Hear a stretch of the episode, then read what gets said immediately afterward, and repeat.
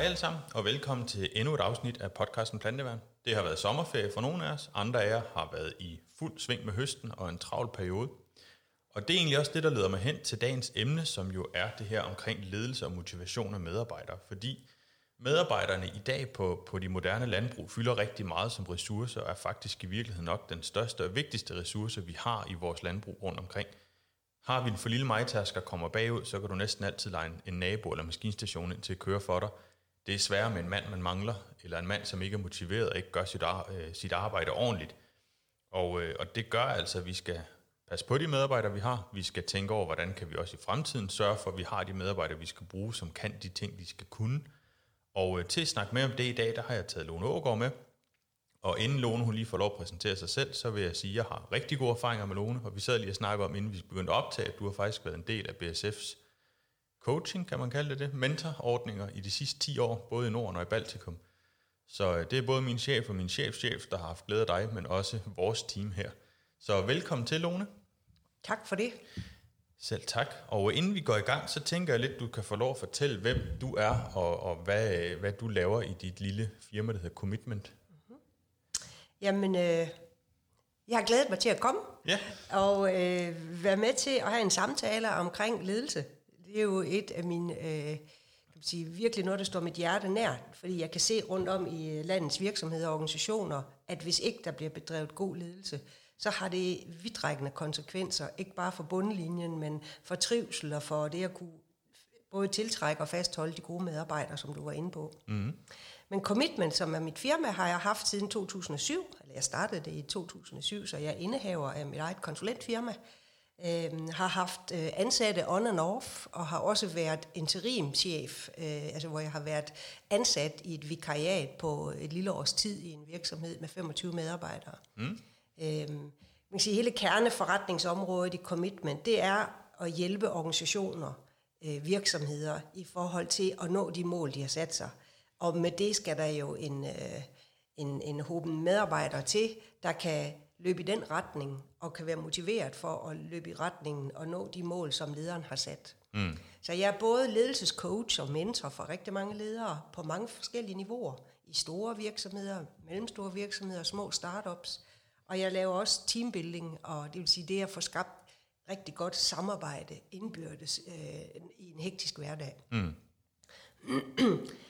ja, og jeg holder til i Lystrup i Aarhus, øh, men rejser rundt jo som sagt øh, i, i hele verden, hvis øh, der er kunder, der kalder på mig der. Ja. Jeg har en enkelt freelancer, så det er et lille firma lige nu her.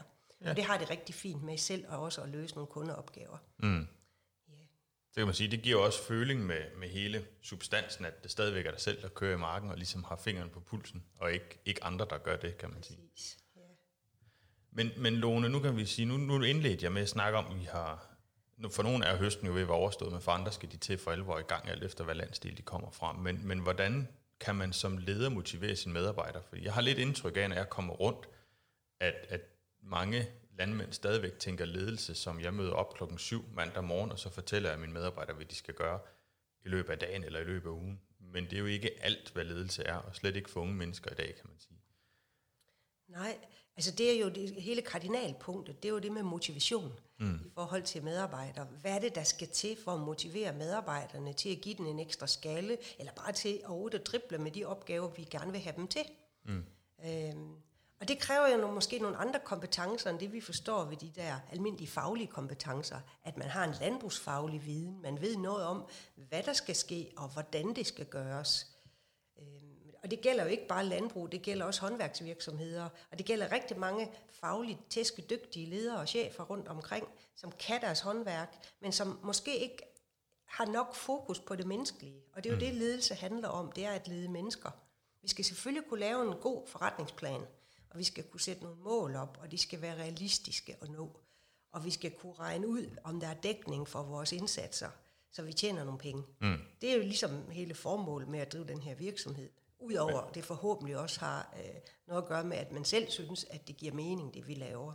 Men det kan man vel sige, uden at have de kernekompetencer, så vil man jo heller ikke være endt som leder i et eller andet omfang. Eller burde i hvert fald ikke, kan man Nej. sige. Der er, der er masser af eksempler på folk, der er blevet det alligevel. Men, men jeg ved i hvert fald i landbruget, hvis ikke du enten har den landbrugsfaglige ballast i orden, eller, eller i, har været i det selv, så bliver du hverken ejer eller, eller leder i et landbrug. Det, det, er jo, det er jo ligesom forudsætning. Så det er jo lidt skridtet videre fra at være yeah. den dygtige landmand til også at være den dygtige leder. Og der kan rigtig mange ledere, også altså af dem, som jeg er mentor for og træner, de kan sagtens stå lidt famlende over for det her øh, lidt det bløde område, som jeg kalder det, øh, som kan rigtig meget alt det hardcore, det faglige og det økonomiske, måske oven i købet også, og har taget kurser i IT og i alt muligt, hvad man skal kunne for at drive et landbrug i dag. Men det her med at lede mennesker, der, der handler det jo om, at vi kan forstå øh, den enkelte, og hvad den enkelte er motiveret af. Og ofte, det er det, jeg kalder rip, rap og rub-effekten. Altså der er det jo, at dem, der ligner en selv, mm. øh, dem har man lidt lettere ved at snakke med. Øh, og kan måske også bedre sådan forstå, hvad det er for en øh, baggrund, de har, hvis de har noget af det samme øh, som en selv. Hvis, det vil sige, hvis man er samme alder og samme uddannelsesbaggrund, måske også kommer fra det samme område, lokalområde, fordi der er også stor forskel på, hvor i landet vi er, selv i lille Danmark.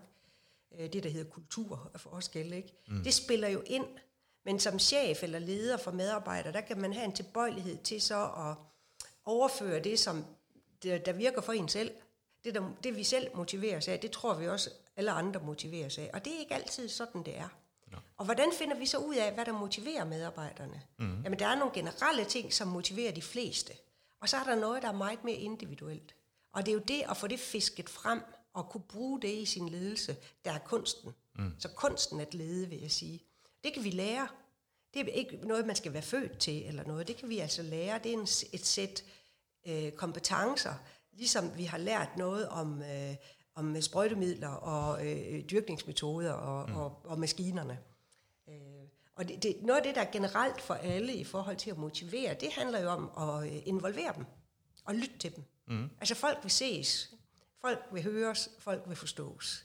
Og den yngre overgang øh, er jo i den grad opdraget til at blive hørt. Altså i skolen, der får man jo point og højere karakterer. Ikke for at tige stille, men for at sige noget, for at give sin mening til kende, for at have holdninger, for at være god til at diskutere. Det er blevet fremme i de sidste 30-40 år rigtig meget herhjemme. Så de nye, som øh, øh, hedder det, landbruget gerne vil have rekrutteret, kommer med den baggrund. Mm. Det kan godt være, at de er opdraget lidt mere, øh, i hvert fald det kan være nogen fra nogle familier, hvor der er lidt mere kæft, trit og retning. Og det øh, kan sagtens være, at de så også forventer, når de kommer ud som ansat, at de får at vide, hvad de skal. Mm. At de ikke sådan slår helt op i banen, fordi de får at vide, hvor, hvor ting skal lægges, eller hvad, de, hvad man forventer af dem.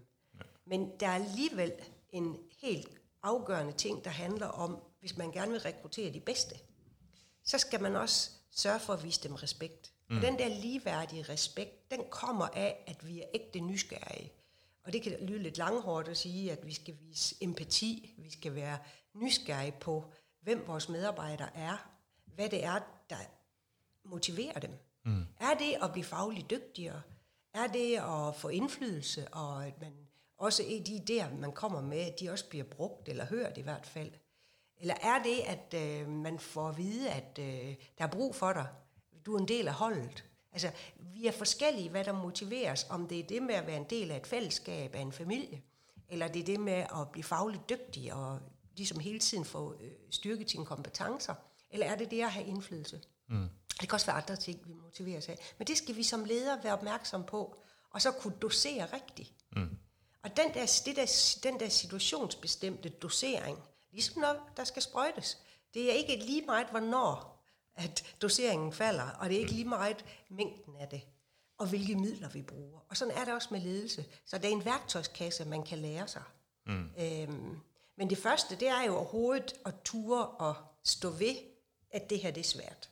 Mm. Så den menneskelige ting, og det er jo der, hvor jeg tit er mentor i sådan en fortrolig sammenhæng med en masse chefer, mandlige chefer tit jo, mm. øh, det er jo, at øh, det kan være sådan lidt... Øh, øh, som om, at man blotter sig for nogle svaghed ved at fortælle om, at det der med ledelse, det er svært. Mm. Det her med at forstå andre mennesker, og som om, at så går der noget af en, ved at man skal åbne op for, at vi selv har nogle ting, vi skal have lært. Fordi hvis vi bare gemmer os bag ved en facade, eller bag ved at være en hård hund, for eksempel, der kan skælde ud og kan udstikke ordre på den gammeldags måde, det, det er ikke svært. Det, der er svært, det er at for eksempel at kunne stå ved, her har jeg taget fejl, det, det er en ommer, det skal gøres på en anden måde. Øh, eller Benny, det du sagde forleden, det var faktisk en rigtig god idé, det vil jeg gerne kvittere for. Mm. Altså, at vi giver ros og anerkendelse. Altså den der med, at jeg hører tit, jamen de får lønnen i sig selv, Hvor, hvorfor skal vi gå og, og rose dem så? Øh, det er simpelthen, øh, fordi det giver bedre øh, motivation. Og det er et, et, bare et greb. Altså det er noget, der skal doseres, ligesom alt muligt andet. Jeg hørte en, en podcast om ledelse den anden dag faktisk med en pastor fra England, øh, eller fra USA, okay. der faktisk sagde, at, at når du roser dine medarbejdere, så skal du faktisk rose dem dertil, hvor du selv er lige ved brægt over at gøre det, og så skal du lige skrue 20 gange mere op for det, så er du ved at være der, hvor det betyder noget for dine medarbejdere. Ja. Øh, og, og det tænker jeg jo egentlig også specielt i landbruget, der er lidt maskulint erhverv, lidt macho-præget ja. erhverv måske i virkeligheden, at, at der, der fylder det her med ros måske mindre, end det burde. Ja. Øh, og i virkeligheden langt mindre, end det burde. Ja, altså, altså det er jo rigtig mange øh, hanner, der er opdraget til, at store drenge øh, græder ikke, og mm. øh, det her med følelser, det er svagt. I stedet for at, at tænke i, at hvis vi kan adressere det, og hvis vi kan forstå det, og også ture og kigge lidt indad og kigge os selv i spejlet, så bliver vi stærkere som ledere, og dermed kan vi komme til at drive en bedre forretning. Mm. Det er det der med lige at forkoble det til det forretningsmæssige, at det at være en god leder rent faktisk kan betale sig. Altså mm. det giver noget på bundlinjen. Og det er med til, at medarbejderne synes, man er en god chef, og det er sjovt at være der. Ja. Øhm, og det er jo det her med, at selvom man måske ejer øh, bedriften, eller man er ansat til at styre hele bedriften, man har et meget betroet erhverv, så skal man stadigvæk være ydmyg over for sin egen magtbase, fordi som chef, der har vi jo retten til at fyre og hyre, øh, give spændende opgaver eller mindre spændende opgaver. Og det er den her, vi, der hvor ledere skal passe på, at de ikke bruger det som sådan en straffe øh, foranstaltning, at de har magten. Mm.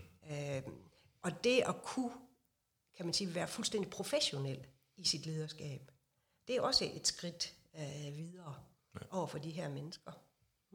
Men man kan sige også, nu, nu var du inde på indflydelse og inddragelse før, noterede jeg mig lige her, der kan man sige, det kan du gøre i mange forskellige niveauer. Du kan jo både gøre det, når du møder en mandag morgen og sige, hvad tænker I, der skal laves? Man kan også gøre det ved købe nye maskiner, sætte sig ned med sine medarbejdere og sige, hvad, hvad synes I er vigtigt at få i de her nye maskiner? Eller øh, egentlig også den her øh, man kan sige, daglige gang med at sige, men er der en, der, der står ud, har du 10 ansatte for eksempel, og der er en, der står meget positivt ud, men skulle han måske på et mellemledeniveau, eller altså det her med hele tiden at holde øje med medarbejderne er, er bare uhyre vigtigt og kan gøres på mange forskellige måder. Det behøver ikke være de helt store beslutninger hver gang jo.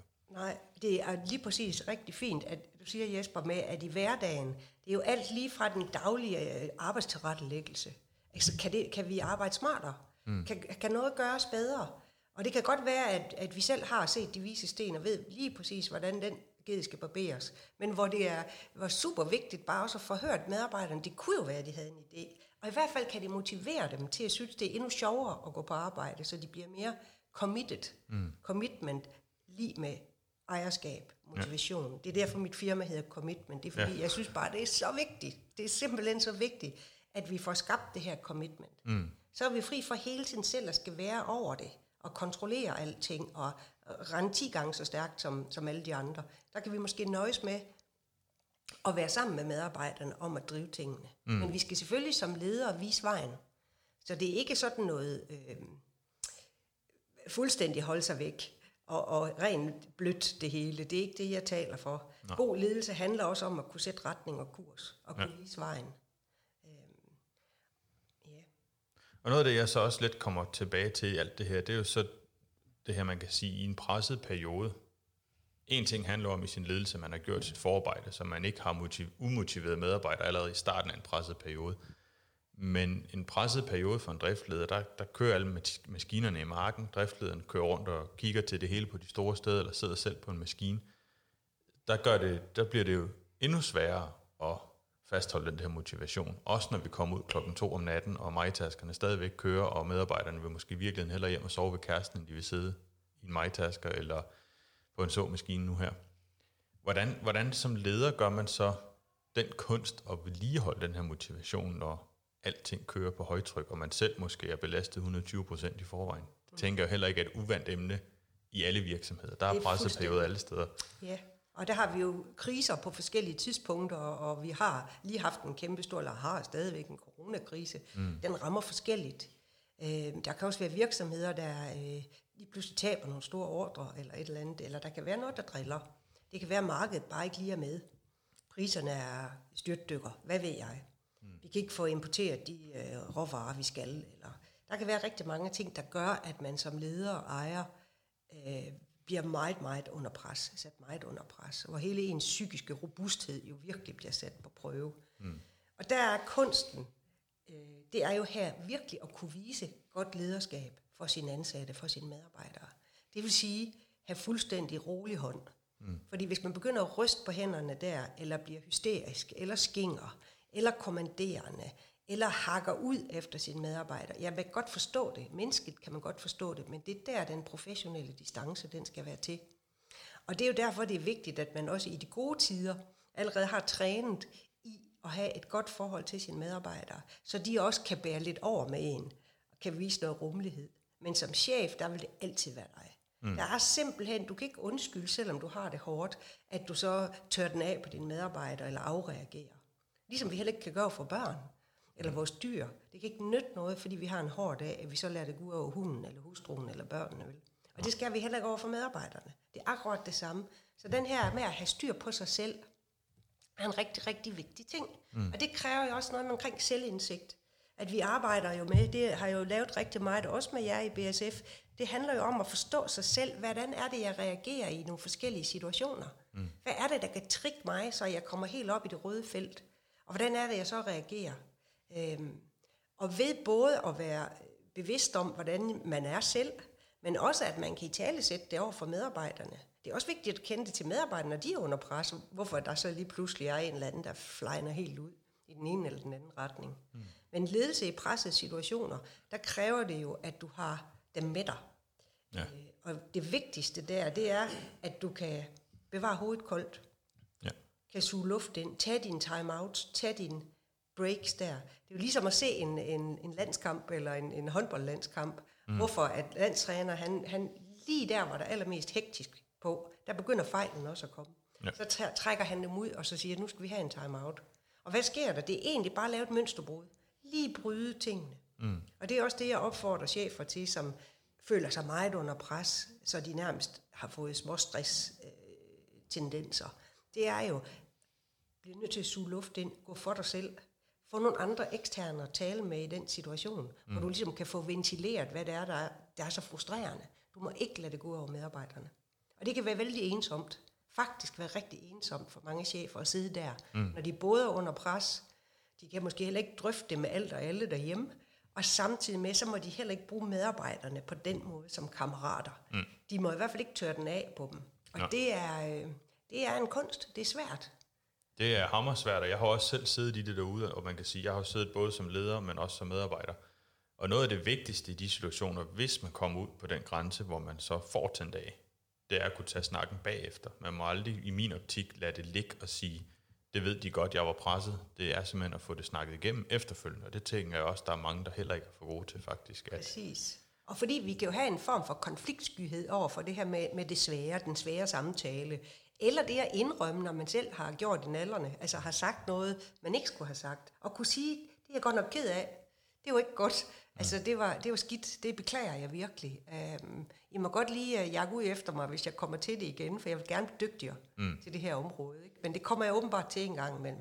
Det at kunne det, face det, prøve at stå ved det, man vokser, og man får så meget respekt for medarbejderne, mm. hvis man tør at stå ved det. Men der er selvfølgelig forskel på, øh, på folk, og øh, det handler jo ikke om, at man skal sidde og, og tude i flok. Det er heller ikke det, jeg taler om. Mm. Det, det handler simpelthen om at være sin opgave voksen. Og kunne øh, lige træde et skridt til side, altså holde de der time-outs der, mm. for at få overblik. Det er nok det vigtigste budskab, jeg har omkring ledelse i pressesituationer. Forarbejdet er vigtigt, inden den pressesituation opstår, at man har fået skabt noget følgeskab, altså at medarbejderne gerne vil følge en, mm. respektere en, og så vil de også stå på mål for en, også når øh, krisen krasser. Ja. Øh, hvis man har behandlet dem ordentligt også der, ikke? Ja. Jeg tænker også sådan noget som, som den her varierende ledelse, vi snakkede om før, at, at der er lige så mange forskellige ledere, som der er medarbejdere, og, og en medarbejder kan måske have brug for rigtig meget ros, hvor en anden medarbejder har brug for ansvar. Der er måske en helt tredje, der har brug for, for noget mere omsorg, hvis man kan sige det sådan, øh, og, og absolut ikke skal skældes ud. Som leder er det jo svært at kende de her forskellige typer, specielt hvis man aldrig har haft en lederuddannelse, kan man sige. Og det er jo noget af det, vi blandt andet i BSF arbejder meget med, det her med, hvad er det for nogle forskellige persontyper, vi har med at gøre, hvad motiverer og hvad tænder folk af. Er det også noget, du tænker, man burde kigge mere ind i, i sådan en arbejdsplads som i landbruget? At, at hvordan, altså kende sine medarbejdere noget dybere? Altså, det er jo et godt værktøj. Altså, det er jo noget af det, som jeg har, har hjulpet jer meget med også. Det er jo, at vi ud over øh, at arbejde med kommunikation og samarbejde i det enkelte team, og personlig udvikling, og hvordan vi bliver gode ledere for den enkelte, også kigger på den personprofil. Og der er der forskellige typer værktøjer, øh, mm. som jeg, jeg er certificeret i, i flere forskellige, hvor man kan lave en personprofil analyse omkring lige præcis det, du siger. Hvad er det ens, hvad er ens foretrukne måde? Hvordan er det så ens skygger er? Og det kan man da i hvert fald få et større indblik i, hvordan vi fungerer. Og ved at medarbejderne også får lavet sådan en profil, vil man også få et større kan man sige, indblik i, når det er derfor, at Kurt reagerer, som han gør, og at Peter han øh, stikker hovedet i busken, eller øh, råber højt her, eller hvad han nu gør. Mm. Det tror jeg er en, et godt værktøj, men det kan ikke afløse, og det, øh, det må aldrig gøre det, det kan ikke afløse, at man som leder selv er nysgerrig. Mm. Og det vigtigste her, synes jeg, det er at turde kigge ind i det, jeg kalder ind i troldspejlet. Altså vi tør kigge i troldspejlet og vide, at det, jeg tror om andre, det er ikke sikkert, det er rigtigt. Mm. Jeg skal altid lige have den der nysgerrighed på. Det kunne være, at jeg tog fejl.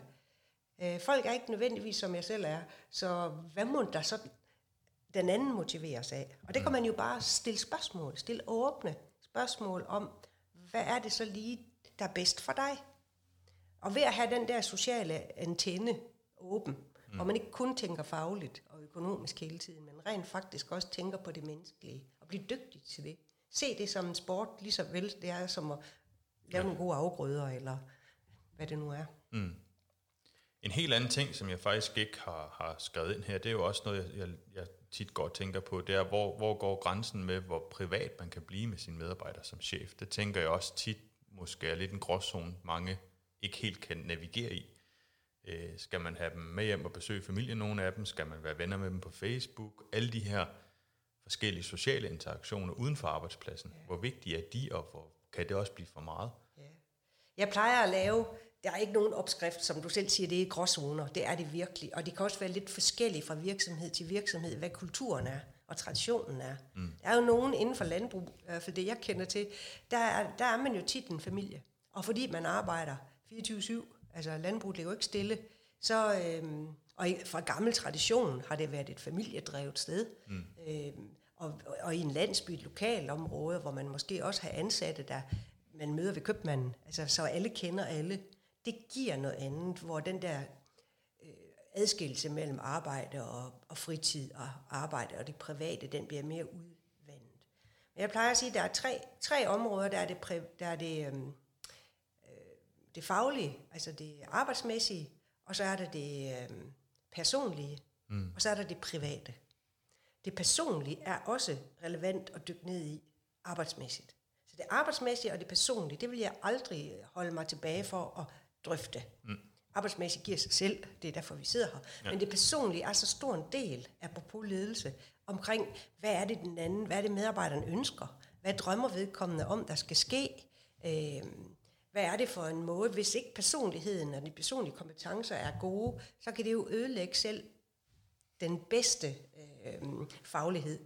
Det kan i hvert fald gå ud over det. Ja. Altså det er ikke nok at være fagligt dygtig. Man skal også kunne være god til at øh, samarbejde, og man skal være god til at, at tage imod nogle ting også. Ikke? I forhold til øh, den her med, øh, hvad der så motiverer, der tænker jeg, at øh, man bliver simpelthen nødt til at mærke efter også, om den anden er mere øh, blufærdig. Mm. Vi har forskellige blufærdighedsgrænser. Der er forskel på køn, altså om man er han eller hun, i forhold til, hvor åben man er, hvor meget man plapper om det ene og det andet, snakker om det ene eller det andet, det lyder pænere. Ja. Øh, mit køn øh, har en tendens til at kunne tale om hvad som helst mm. i alle sammenhænge, og hvor man som mand måske vil tænke, uh, det var godt nok nærgående, øh, og ikke lyst til at dele så meget. Og andre, der handler det om generationer. Mm. Altså, det er man det er simpelthen ikke tradition for at, at tale om noget som helst. Der holder man det helt inden, inden for, for Vesten. Så det er meget forskelligt. Som leder vil jeg sige, øh, altid være forsigtig med at gå ind over det private. Mm. Altid være forsigtig. Den der professionelle distance, også med hvad du selv deler omkring dig selv, er væsentlig. Mm.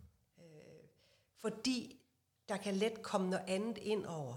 Det hele må ikke bare blive rent følelsesmæssigt. No. Det hele må ikke blive rent privat. For så kan du heller ikke adskille tingene, når der så en gang imellem skal fyres nogen, mm. eller en gang imellem skal stilles nogle lidt stærkere krav, for eksempel. Lige præcis. Det er vigtigt også at kunne det. Ja.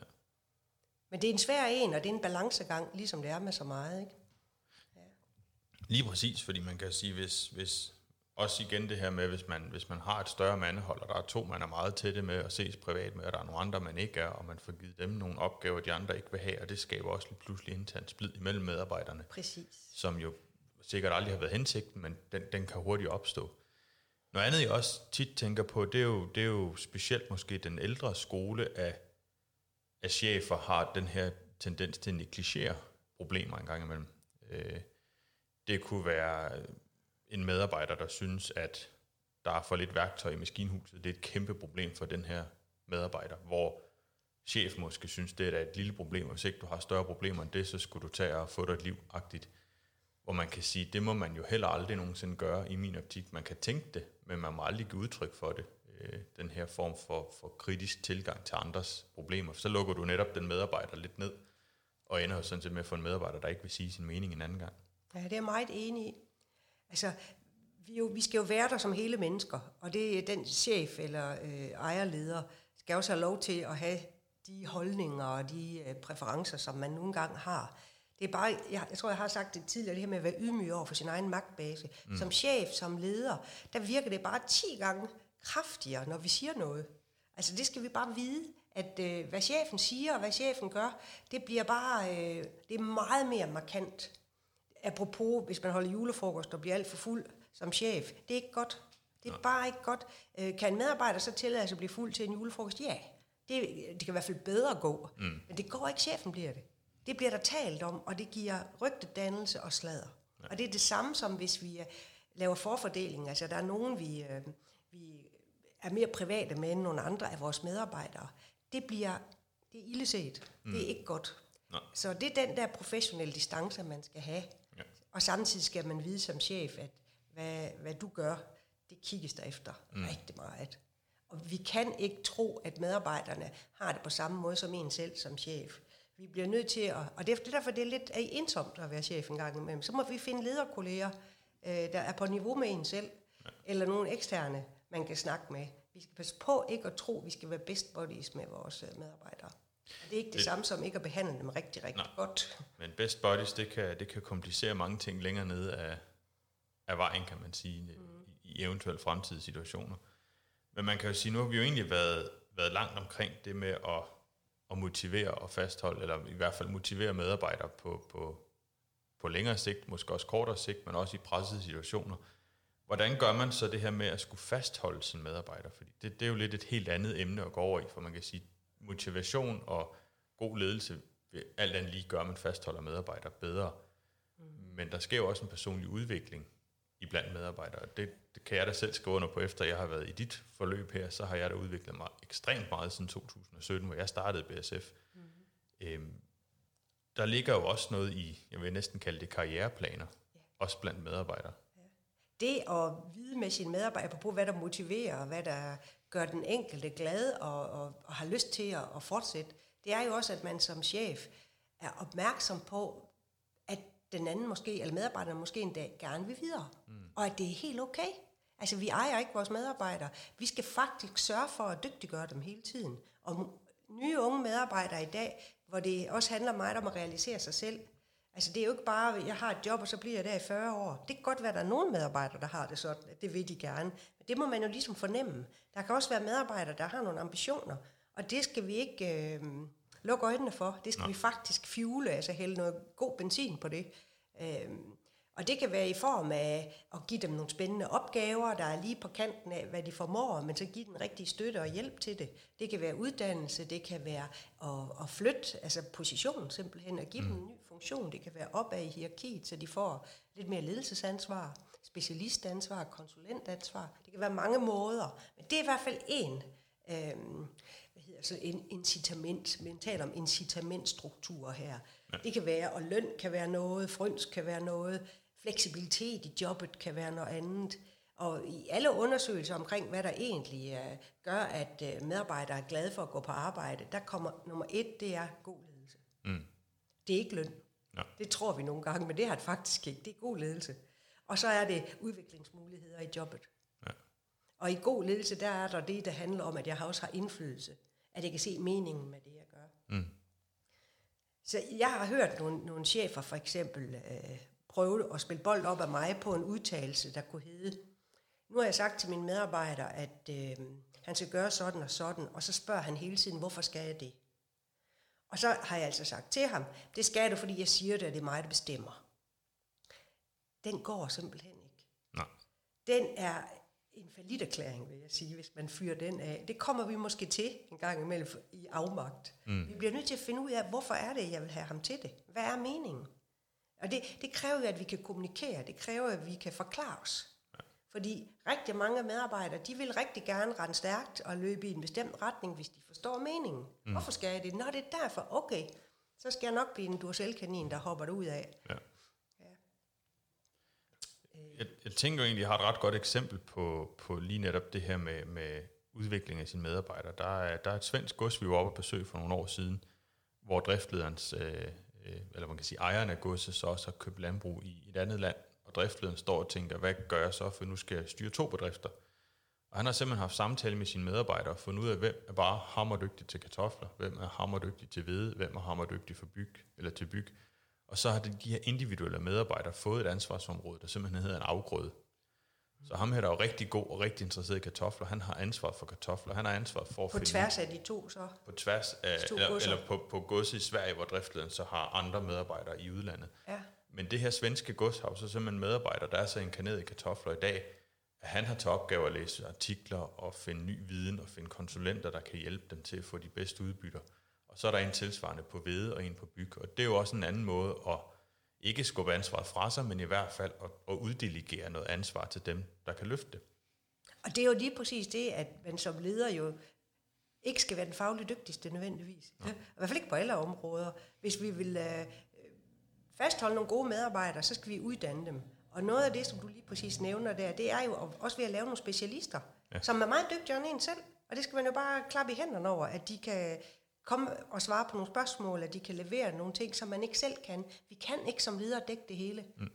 Øh, fordi så når vi ikke ledelse, Præcis. hvis vi skal være faglige på alle områder. Fordi det er uendeligt, og det er, det er både markedskendskab, og det er økonomisk indsigt, og det, det digitale, som jo kommer til at fylde mere og mere. Mm. Hele automationen også, ikke?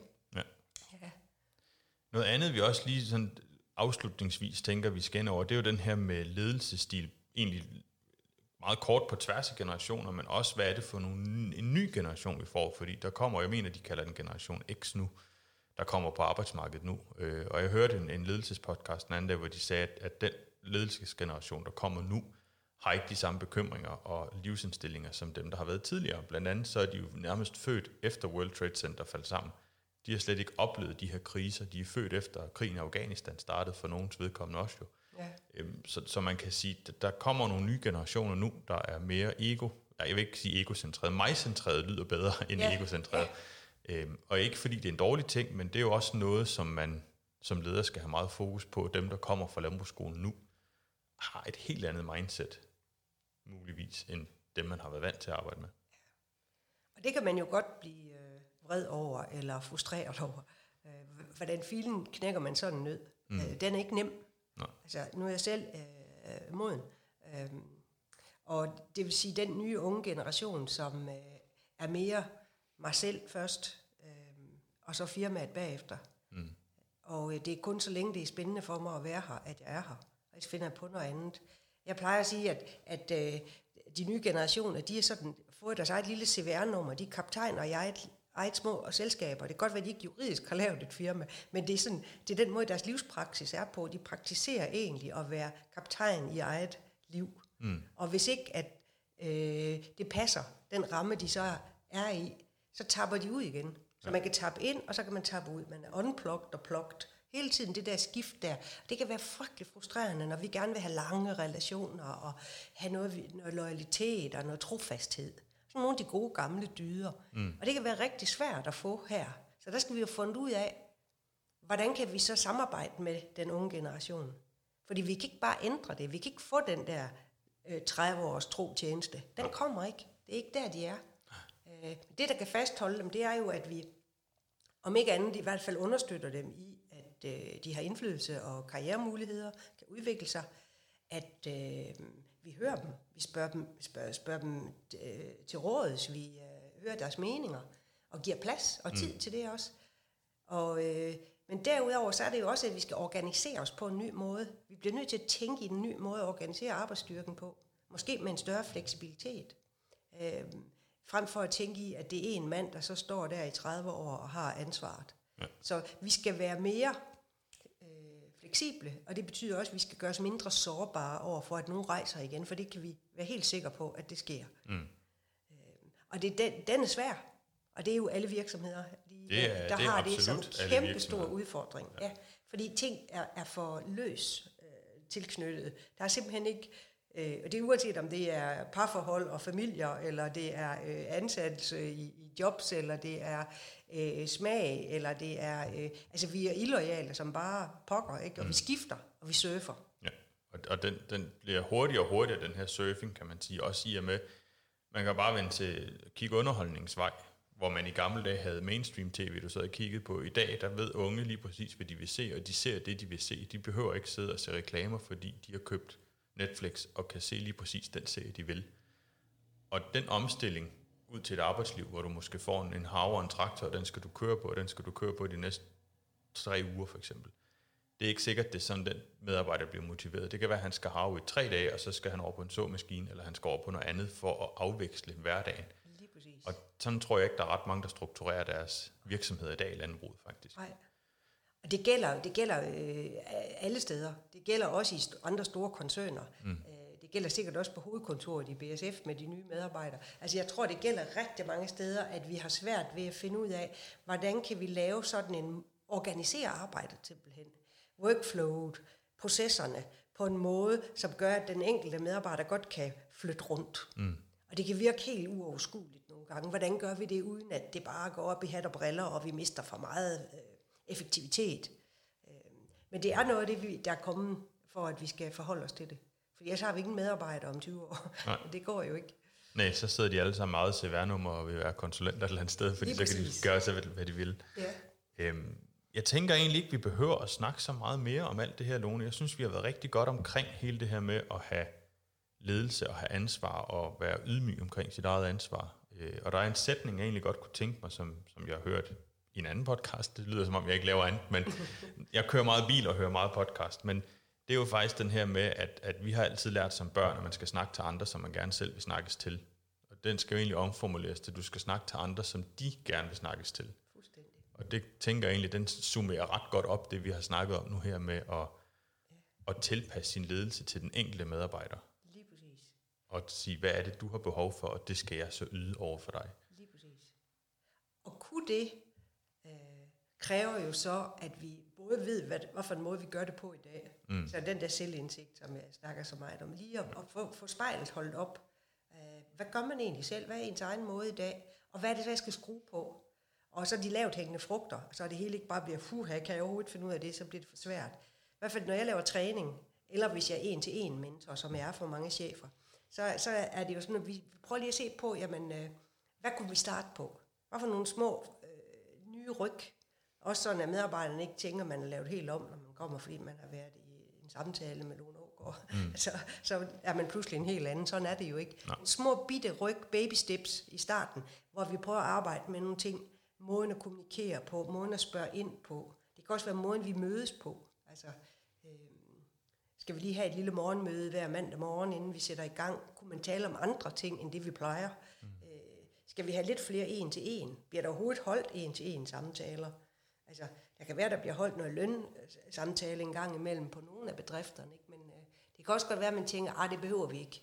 Og det, mm. jo, det behøver vi. Det behøver den enkelte medarbejder. Det kan godt være, at lederen ikke synes det, men den enkelte medarbejder vil rent faktisk gerne have øh, de her enkeltvis, altså en til en samtaler. Om fremtiden, om karriere, om ambitioner, men det kunne også være om samarbejdet. Og det er jo en oplagt mulighed for en leder at så sige, øh, hvis jeg skal blive en endnu bedre leder, hvad skal jeg så gøre mere af, og hvad skal jeg gøre mindre af? Ja. Hvordan kunne du godt tænke dig, kære medarbejder, at jeg skal øh, lede dig, ja. for at du blomstrer? Det at turde stå, stille sig, sætte sig selv i spil, er, øh, vil være stort. En ting er at sætte sig selv i spil og turde stille spørgsmål. En anden ting er også at omfavne de, de svar, der kommer. Fordi ja. det er også noget, det jeg tit ser og oplever, at de svar, der så kommer retur, bliver der ikke gjort noget ved, fordi med, øh, hvad hedder det, medarbejdere og ledere måske ikke er enige. Og så, øh, så står du med en endnu mere umotiveret medarbejder i min optik, fordi så har han ytret sin mening, men han er ikke blevet hørt. Præcis. Og det er jo også fordi, at det at komme ud af ens comfort zone, altså det vi er vant til, det vi plejer, mm. det er der, vi kender det, og det er forudsigeligt, det er trygt, og det er godt. Lige så snart vi er uden for det, hvor vi lærer noget, hvor vi rent faktisk udvikler os, der skal vi lige uden for komfortzonen. Ja. Men det er også der, hvor vi kan få røde pletter på halsen, og kan godt mærke, at der kommer noget modstand ind i en selv. Men det er faktisk der, vi skal ud. Og det at have nogen at snakke med der, der kan rumme en, øh, og ikke bare vil slå en oven i hovedet for, at man er forkert, men rent faktisk kan støtte en i den proces, i den rejse. At det er det, jeg lever af. Ja. Det er det. Og nu tænkte jeg, at det var meget god afrunding egentlig på det, men, men hvis nu man vil have fat i Lone Ågaard som, som øh, landbrugsleder, eller øh, en, en medarbejder, der hører den her, tænker, at ens leder måske godt kunne bruge et brik på skulderen, hvordan får man så fat i sådan en som dig? Jamen, øh, har jo en officiel øh, hjemmeside, ja. øh, www.commitment.dk, og det er commitment skrevet med K. Ja. Øh, og jeg har også en anden hjemmeside, det er der, hvor det er ren mentoring, altså hvor jeg er mentor for en til en det er www.commitmentmentor.dk. Mm. Og man kan også ringe til mig eller sende mig en sms øh, på 21 91 51 46. Øh, så er I meget velkommen til at kontakte mig. Ja. Og jeg vil rigtig gerne møde op til et uforpligtende kop kaffe, og hvor vi kan snakke om, om vi skal samarbejde om det ene eller det andet, eller hvad jeg kan hjælpe med eventuelt. Ja. Og jeg vil sige, hvis ikke du du du hører det hele, eller får fat i telefonen, mens Lone hun siger det i podcasten her, så kan du også altid tage fat i os i BSF, så videreformidler vi også meget gerne kontaktoplysningerne, fordi de, øh, de, nu kan jeg kun sige, at jeg har været med fra 2017, men de 10 år, der har været med Lone fra Commitment, har været rigtig, rigtig givende for BSF. Og det tænker jeg også kunne være for rigtig mange af jer ude i landbruget, som, som måske står med nogle af de her problemstillinger, vi har, har vendt lidt nu her. Men jeg tænker egentlig, det skulle være ordene for i dag, Lone, og du skal have mange tak for at, at ville være med. Velbekomme. Det har været en stor fornøjelse. Det er jeg så, glad for at høre. Ja. Og så vil jeg lige runde af med, eller runde af med, med endnu en, en lille anekdote fra det virkelige liv. Noget jeg så på Facebook den anden dag, hvor et høsthold var blevet stoppet klokken 2 om natten på grund af en regnby, og vidste, de kunne ikke køre i morgen alligevel på grund af den regnby, der kom. Så driftlederen han pakkede medarbejderne, elever og medarbejdere i bilen, og så kørte de simpelthen på McDonald's, der havde døgnåben klokken 2 om aftenen, og spiste McDonald's mad. Det er også en måde at at, at tage det et skridt videre, kan man sige, at man står i en presset periode, og selvom klokken er to om natten, så kører man lige ind og henter McDonald's med. Det synes jeg var en, var en ret opkvikkende Facebook-post, jeg så den, mm-hmm. den morgen i hvert fald. Mm-hmm. Så der er mange måder at lave ledelse på, og øh, jer, der sidder med derude og, og lytter, I skal have tusind tak, fordi I lyttede med, og jeg håber, I har fået noget ud af det. Jeg synes i hvert fald selv, vi er kommet godt rundt om det her med at motivere medarbejdere og fastholde dem. Og øh, så høres vi ved i næste episode af podcasten Planteværk. BASF. We create chemistry.